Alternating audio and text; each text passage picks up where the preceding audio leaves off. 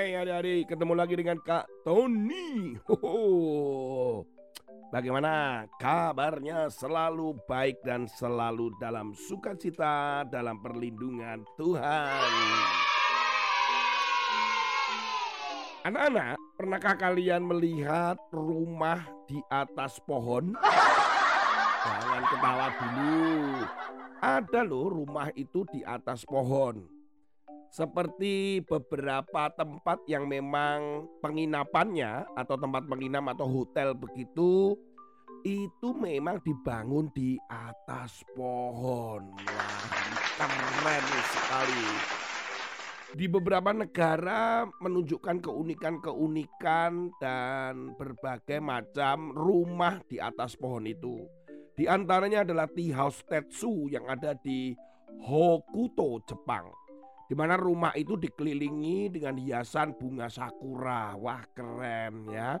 Kemudian dilengkapi juga dengan tempat persembunyian jika ada gempa.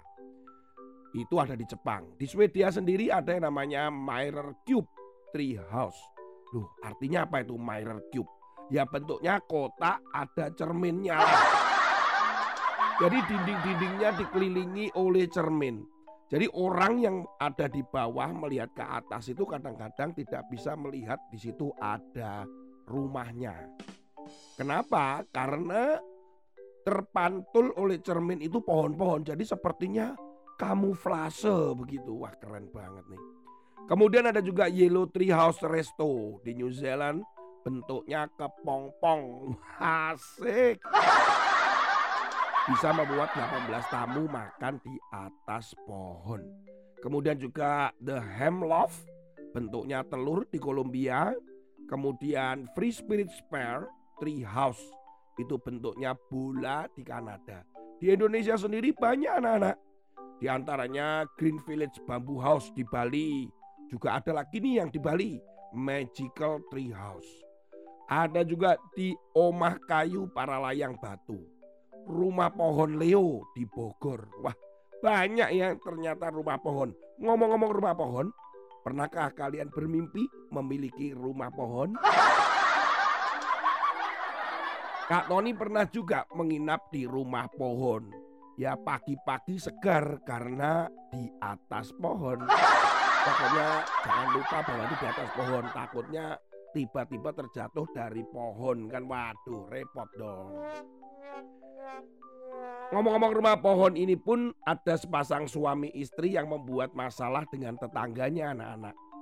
Yaitu terjadi di pesisir New Hemisphere, Amerika Serikat.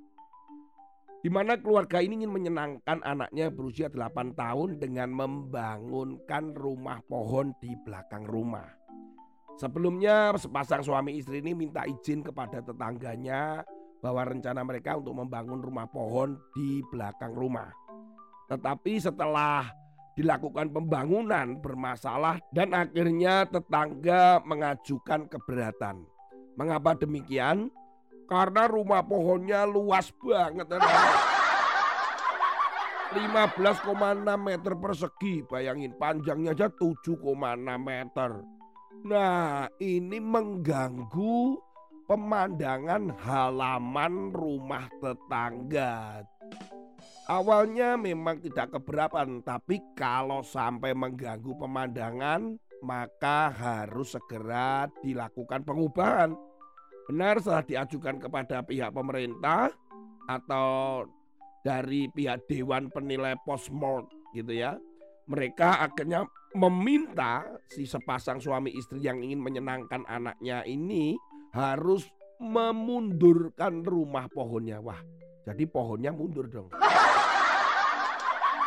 Wah, rencananya menyenangkan tapi malah membawa petaka dan kerugian yang cukup besar.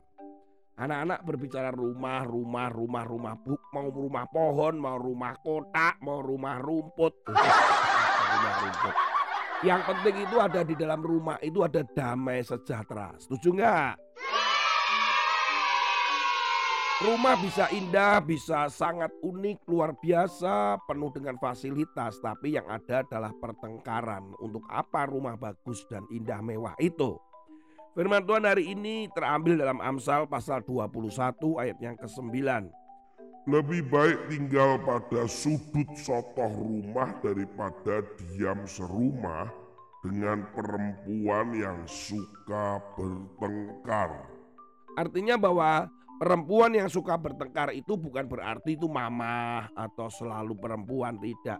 Ini menunjukkan bahwa rumah yang di dalam itu ada banyak pertengkaran. Wah, sedikit bertengkar, dipertengkar, lempar ini, lempar itu, pukul ini, pukul itu. Nah, itu adalah rumah yang penuh dengan petaka, rumah yang suasananya tidak enak. Nah, sementara Firman Tuhan katakan ini bahwa rumah yang seperti itu tuh orang tidak suka tinggal di dalam rumah yang seperti itu.